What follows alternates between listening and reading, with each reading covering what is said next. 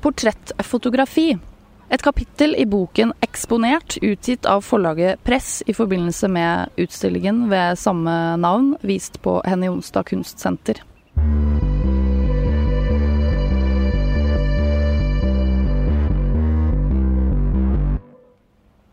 Portrettfotografiet startet som en relativt statisk, naturtro gjengivelse av et menneskes fysionomiske trekk som tok plassen til det malte portrettet. I 1854 patenterte franskmannen Adolf André Adolf Disteri visittkortportrettet. Små fotografiske portretter montert på kort, hvor fotografens signatur og reklame var godt synlig. Å gå til fotografen for å la seg og sin familie portrettere i denne sammenhengen var ikke så kostbart. Klasseforskjellene i samfunnet ble mindre synlige i visittkortportrettene, som blir sett på som en del av fotografiets tidligere, tidlige demokratiseringsprosess. Til tross for at fotografiet på mange måter tvang maleriet ut av komfortsonen, noe som etter hvert førte til de første modernistiske maleriske uttrykkene, har en rekke portrettfotografer tatt sikte på å nettopp utvikle uttrykk som lignet på det maleriske. Den tyske fotografen Nicola Perscheid utviklet en egen linse for sine piktoralistiske storformatsportretter, som hadde vesentlige likhetstrekk med portrettmaleriet, som preget perioden da fotografiet tok over som yndet medium for sjangeren. Portrettfotografiet har utviklet seg fra statiske og ofte poetiske gjengivelser av mennesker i ulike iscenesatte studiemiljøer, til å vektlegge den portrettertes mer eller mindre naturlige miljø fra begynnelsen av 1900-tallet. For eksempel et eksempel er Luciano Montis portrettserie 'Ritratri Nobili', som viser venetianske aristokrater i ulike arkitektoniske og sosiale miljøer. Her spiller Monti både på det statiske og oppstilte portrettet, men også på det såkalte miljøportrettet, som plasserer den portretterte i et miljø som kan fortelle noe om hens bakgrunn, yrke eller sosiale status. Larry Fink er kjent for sine portretter av sosiale klasser i USA, som Social Graces fra 1970-årene. Serien fra Studio 54 i 1977 er nok et eksempel på portretter fra et annet sosialt miljø enn det upersonlige og oppstilte Monty portretterte i Ritratri Nobili, nemlig den uforutsigbare og ofte grenseoverskridende nattklubbscenen og sosietetslivet i New York på 70-tallet. Miljøportretter forbindes ofte med Arnold Newman. Newman fotograferte mennesker i forbindelse med deres yrke, eller ulike miljøer som sier noe om deres identitet, der Monty kan sies i større grad å fremstille en samfunnsklasse. I sitt portrett av Igor Stravinskij fra 1946, opprinnelig tatt på oppdrag for Harpers Bazaar, har Newman plassert komponisten sittende på pianokrakken bak et flygel. Hodet hviler i venstre hånd, Albuen lener seg på flygelet. Det er flygelets lokk som opptar mesteparten av billedflaten, mens Stravinskijs hode er plassert helt nederst i venstre hjørne. Ved å portrettere Stravinskij i en situasjon pianisten og komponisten er fortrolig med, og avslappet i, kommer Newman nærmere det han har kalt personlighetens fellesnevner. Tyske August Sander fotograferte sosiale klasser i mellomkrigstidens Tyskland i det som senere skulle bli beskrevet som typologiske portretter.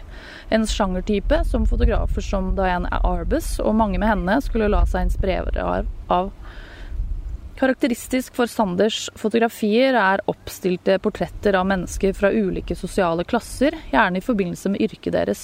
Kunstneren, bonden, bondens barn Skillet mellom miljøportrettet og det typologiske portrettet kan forklares som forskjellen mellom fotograf og å fotografere en type, gjerne representanter fra ulike samfunnslag, og å fotografere en personlighet.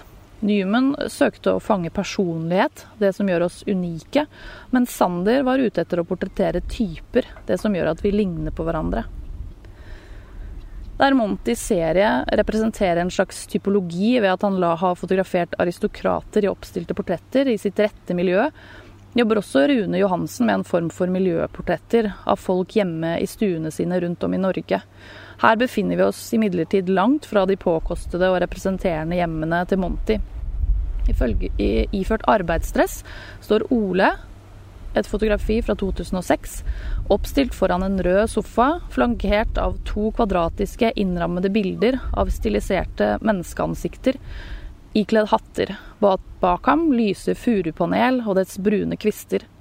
Johansens Ole ligner Sanders typologiske portrett i form, men kan nok plasseres nærmere Newmans miljøportretter, da Oles personlighet formidles i det lille innblikket vi får i hjemmemiljøet hans, som den rake motsetningen til Montys fremstillinger av et aristokratisk miljø. Newmans portrett av Igor Stravinskij er et, et eksempel på motivgruppen kunstnerportretter, som etter Sanders prosjekt er som en egen typologi å regne. Portretter av dansere kan sies å utfylle en særegen motivkategori i denne sammenhenger, der danserens egen kropp også er deres arbeidsredskap. Annie Leibowitz har portrettert en rekke kjente mennesker i løpet av et langt liv som fotograf for magasiner som Rolling Stone og Vanity Fair. I sitt portrett av danser og koreograf Bill T. Jones fra 1933 har hun fanget en styrke og en energi i et umiskjennelig Leibowitz-uttrykk, preget av store kontraster mellom lys og skygge. Jones' nakne kropp, som er fanget i et hopp, fremstår nærmest som todimensjonal, klistret mot den kritthvite skjermen Leibowitz har plassert et sted ute i New Yorks bybilde. Kroppens ulike deler fremheves ved at Jones spriker med fingrene og trekker sitt venstre kne opp i en vinkel, mens høyre bein er strakt. Ryggen former en S. Bak den hvite skjermen troner urbane elementer som danner en kontrast til den organiske, dynamiske kroppen til Jones. Dynamikk og energi preger også flere av Mick Rocks ikoniske bilder av rockeartister på scenen, slik vi ser det i Iggy Backbend fra 1942, hvor unge Iggy Pop under en opptreden bender den nakne og senete overkroppen bakover til hodet nesten møter gulvet. Rock er særlig kjent som mannen som fotograferte 1970-tallet, og han står bak en rekke velkjente platecovere fra perioden, som Lou Reeds Transformer fra 1972.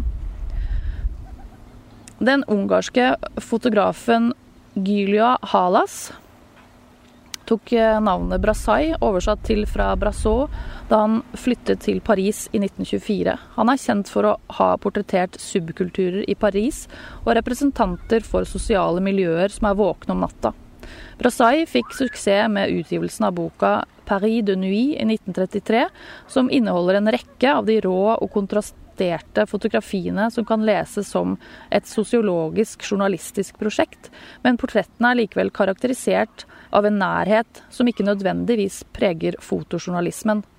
Portrettene hans fremstår snarere som fotografier av noen han kjenner godt. Subjektene oppleves som avslappede, ikke iscenesatte. Brassai fikk etter hvert en stor omgangskrets av kunstnere i Paris, bl.a. Pablo Picasso, som han portretterte ved en rekke anledninger. Etter tittelen 'My First Portrait of Picasso' å bedømme, startet serien i 1932.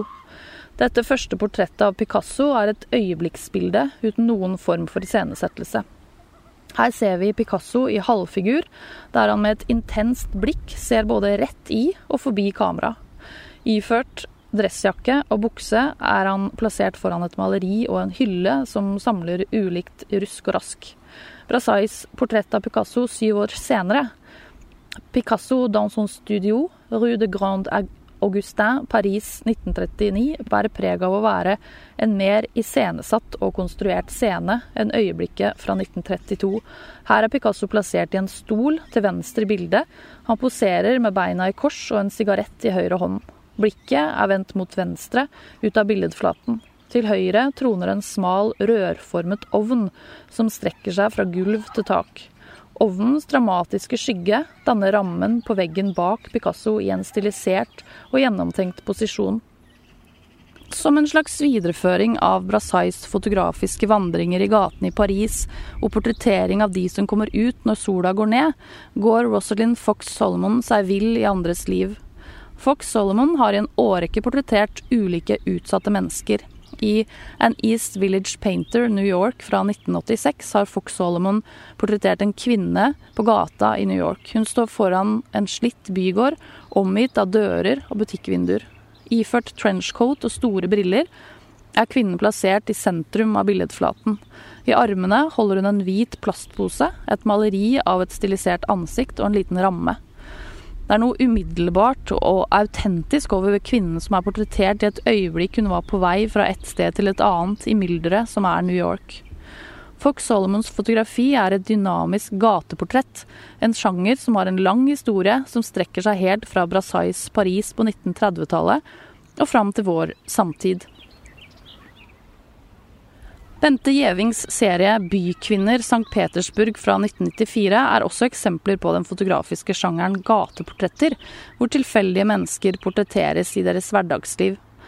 Gjeving har fotografert øyeblikk ute i det offentlige rom.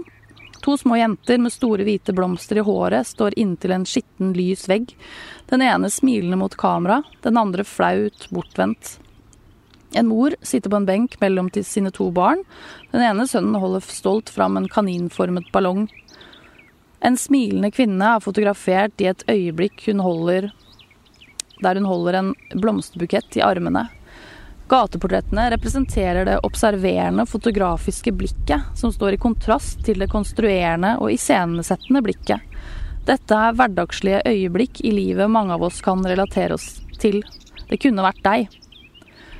Fotografiet har en lang historie som et middel til å klassifisere mennesker, heller enn å fremstille det unike individet. En tradisjon som går enda lenger tilbake enn Sanders Tyskland på 1920-tallet. Da det fikserte fotografiet var et relativt ungt uttrykk, fra 1880-årene, oppsto fagfeltene etnografi og antropologi, hvor fotografiet ble brukt til å dokumentere andre kulturer, og til å gjennom antropometriske studier klassifisere og katalogisere mennesker etter fysionomiske trekk i ulike raser, i anførselstegn. Slike kataloger finnes også over kriminelle, prostituerte og pasienter på psykiatriske institusjoner.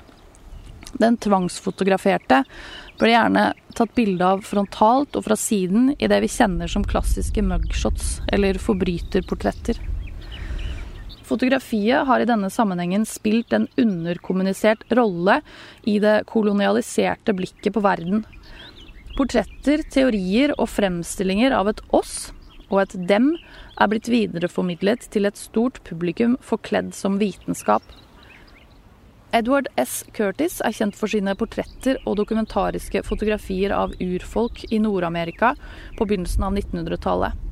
Da Curtis begynte sitt arbeid, hadde den amerikanske regjeringen allerede startet sitt brutale overgrep på landets urfolk, som bl.a. betød at de ikke fikk lov til å bruke sine opprinnelige klær, ha langt hår, snakke sitt eget morsmål eller bo i de områdene som alltid hadde vært deres hjem. I Awichita fra 1927 har Curtis portrettert en representant for urfolksstammen Wichita i profil. Bakgrunnen er uklar, og ansiktet hans er i fokus. Han bærer et fjærprydet hodeplagg. Portrettet er både en slags dokumentasjon av en svunnen tid, en implisitt kommentar til en blodig amerikansk historie. Curtis iscenesatte portretter hvor de portretterte nærmest imiterer seg selv ved å ikle seg tradisjonelle klær som de ikke fikk lov til av myndighetene til å bruke lenger. Noen ganger retusjerte Curtis også bort moderne gjenstander for å opprettholde den romantiske illusjonen i sine portretter. Gertrud Cassibier er best kjent for sine myke, piktoralistiske fotografier av scener hvor mor og barn spiller hovedrollene, men hun portretterte også artister som turnerte med Buffalo Bills Wild West Show. Her spilte amerikanske urinnvånere fra Sioux-stammen roller i fremførelsen av historier fra det gamle Vesten, som var delvis basert på historiske hendelser og delvis fiktive.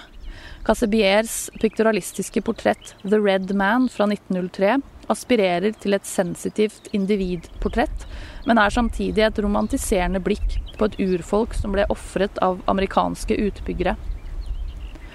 Tittelen 'Den røde mannen' gjør det også klart at det fotografiske mediet har lang tradisjon for å kategorisere mennesker. Cassibiers portrett rommer en kompleks maktdynamikk der Su-utøverne tilpasset sin opptreden til forhåndsdefinerte forestillinger om hva som utgjorde en autentisk identitet.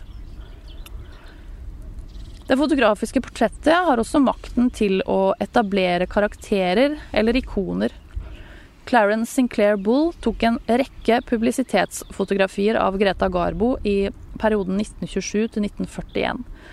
Som skuespiller og persona ble Greta Garbo omtalt som den svenske sfinksen, en referanse til hennes utilnærmelighet og skjerming av privatlivet. Sinclair Bulls fotografier av Garbo er emblematiske for 1930-tallets Hollywood-portretter, som var vesentlige for etableringen av tidens store stjernepersonligheter.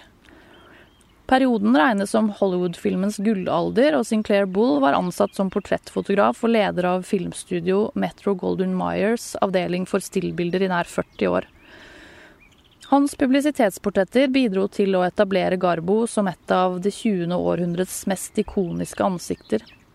Hennes frisyre og bekledninger diskré angir ulike rollefigurer, utviklet Sinclair Bull raskt en modernistisk og polert estetikk som fremhever ansiktets skulpturelle og nærmest abstrakte kvaliteter.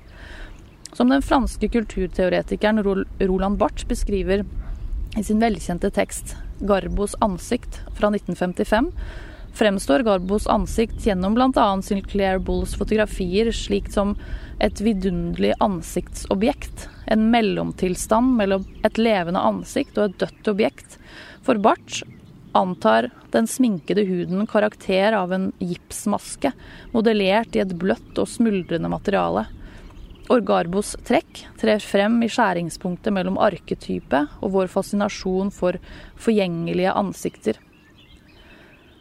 Andy Warhol jobbet gjennomgående med å skape populærkulturelle ikoner i portrettene sine som ble publisert på The Factory, og skapte også en persona for seg selv med det maskelignende bleke ansiktet sitt, sorte klær og hvit parykk. Han omga seg stadig med kjendiser som han portretterte i sine velkjente silketrykk. I en stripe med fire fotoautomatportretter av Warhols muse, skuespilleren Edie Sedgwick, Datert 1965 ser vi Sedgwick posere iført en jakke med dyreskinnstrykk og en sigarett som attributt. Stripen av fotoautomatbilder er en del av en rekke andre lignende fotografier som viser gruppen på The Factory. I Warhols sedvanlige stil er portrettene signert kunstneren, til tross for at de er tatt av en fotoautomat. Arbeidet utfordrer den opprinnelige funksjonen til denne typen portretter, nemlig passfotografiet, som skal vise til et menneskes unike identitet. Alle forstyrrende elementer som hår som skjuler ørene, briller eller hodeplagg er som kjent ikke tillatt i et offentlig godkjent passfoto. Sedgwick derimot ikler seg ulike roller og poserer. Samtidig er en stripe uhøytidelige portretter fra en sesjon i en eh, fotoautomat et uttrykk vi alle, i hvert fall vi som er født før smarttelefonen, kan kjenne oss igjen i. Fotoautomatportrettet er på mange måter et selfie-uttrykk før selfien ble oppfunnet, ved at det åpner for muligheten til å portrettere seg selv og se seg selv fra utsiden, da i et analogt fotografi. Warhols portrett av Sedgwick eksemplifiserer hans kunstneriske uttrykk som dyrker det masseproduserte og populærkulturelle, det fotografiske mediets objektifisering av individet. Hvis det ikke er individet Edie Sedgwick vi ser i Warhols fotoautomatportretter, eller autentiske portretter av Nord-Amerikas urfolk hos Curtis, hvem er det da vi ser? Disse portrettene utfordrer oppfatningen av et fotografi som sannhetsvitne. Enkelte fotografer som drar dette poenget enda lenger, jobber med fotografiet som en slags forlengelse av maleriet. Bill Brandt eksperimenterte med optiske forvrengninger i sine fotografier som har referanser til både manierisme og surrealisme. I Young Girl Resting, datert i 1955, eh, fyller hodet til en jente den nedre delen av bildet. Hun ligger på ryggen med ansiktet og blikket vendt opp mot taket. Munnen er så vidt åpen. Bak jenta åpner det seg et rom som deles vertikalt av to store, lyse vinduer som strekker seg som lyssøyler fra gulv til tak, som igjen gjør at mellomrommet mellom vinduene faller i mørke. Portrettet er preget av store kontraster mellom lys og mørke, og jentas ansikt er så sterkt opplyst at det nærmest fremstår som en hvit maske. Portrettet har likhet med stillbilder fra en film, som om det utspiller seg en historie her som vi kun kan fantasere oss frem til. Chapman Mortimer skriver i introduksjonen til 'Perspectives of Nudes' fra 1961 om grunnen til at Brandt etter hvert kjøpte seg et vidvinkelkamera med fiksert linse, som ble introdusert av Kodak i 1931. Ifølge Brandt er moderne kameraer designet for å imitere menneskelig syn og perspektiv, og han sier at etter å ha brukt dem for å fotografere London på 30-tallet og under krigen, begynte han å oppleve dem for perfekte. De reproduserte livet som et speil, og kameraenes effektivitet hindret ham i å entre speilet. Brandt eksperimenterte formalt med det fotografiske mediet i et poetisk språk som gikk forbi det perfekte, konversjonelle speilbildet av virkeligheten ved å lage optiske illusjoner, slik at vi fortsatt kan kjenne oss igjen i motivene hans, men likevel ikke. Det er som om noe ikke stemmer.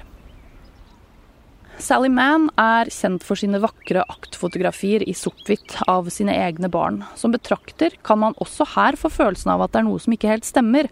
Og det er ikke av optiske grunner, da Mann bruker storformatkamera i sine arbeider. Mange finner arbeidene hennes provoserende, kontroversielle og seksualiserende. I Naptime fra 1989 har hun fotografert en seng i fugleperspektiv. I midten, delvis skjult av lag av blonder og andre tekstiler, ligger en liten jente med mørkt, krøllete hår som flyter utover madrassen. Vi møter blikket hennes. Hun er flankert av to hodeløse kropper som ligger i samme seng. Den ene iført truse, den andre iført badedrakt.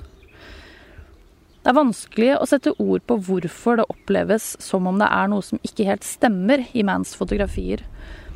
På ett plan er de vakre portretter av barn som gjør det barn gjør en varm sommerdag. Likevel er det en urovekkende stemning i arbeidene hennes. Denne følelsen eller oppfatningen av en stemning er forankret i betrakterens fortolkningshorisont. Det er en tolkning som er gjennomsyret av det seksualiserte blikket vi har vokst opp med, i og på det fotografiske mediet, hvor subjektet i essens blir objektivisert. Motefotografi og kjendisportretter er motivgrupper vi er vant til å ha et objektiviserende blikk på. Fotografier som for mange blir som en fetisj å regne. Men når det samme blikket overføres på barn, kan det oppleves forstyrrende. Problematiserer man et seksualiserende fotografisk blikk på barn, eller er det barnets seksualisert hun belyser, og som vi leser som tabubelagt? Eller dokumenterer hun først og fremst sine egne barns utvikling gjennom fotografiet, slik vi alle gjør? Et fotografi vil alltid dras mellom blikket bak kamera og blikket på fotografiet. Det kommer særlig til uttrykk i intime portretter hvor man er bevisst på den nære relasjonen mellom fotograf og den portretterte, og slik blir vitne til relasjonens dynamikk på en nesten voyeuristisk måte. Jacques Henri Lartigue har i en rekke portretter fotografert sin kjæreste over en periode på to år, kunstneren og modellen René Perle. Fotografiene er interessante da de beveger seg mellom motefotografier, rene portretter og private fotografier. Joel Meyerowitz, portrett Cynthia, gir også innblikk i en privat sfære, preget av en spesiell dynamikk mellom fotograf og subjekt. Slik Disteris visittkortportretter bidro til en demokratisering av portrettet i tiårene etter 1850-tallet, har smarttelefonens kamerafunksjon i kombinasjon med sosiale medier bidratt til en ytterligere demokratisering av fotografiet de siste 20 årene. Med smarttelefoner kan vi fotografere hva som helst, når som helst, og umiddelbart dele bildene våre med omverdenen. Det vi deler, er i stor grad bilder som gir innblikk nettopp i en privat sfære. Ofte gjennom snapshot-portretter av fotografen selv, familie og venner. Slik får vi daglige innblikk i ordinære menneskers hverdagsliv. Gjennom et nærmest kontinuerlig fotografisk blikk på oss selv og andre presenterer vi oss for omverdenen. Så kan man diskutere hvor autentiske disse selvfremstillingene er, gitt at de er mer eller mindre skreddersydde et ytre blikk. Et liv vi ønsker å gi en illusjon av at vi lever. For hvor ærlig kan et fotografi være?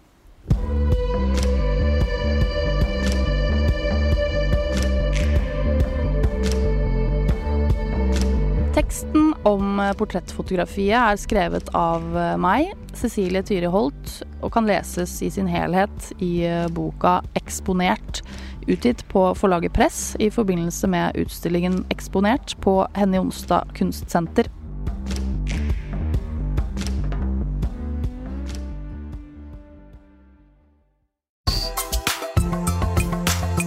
Produsert av Flink pike.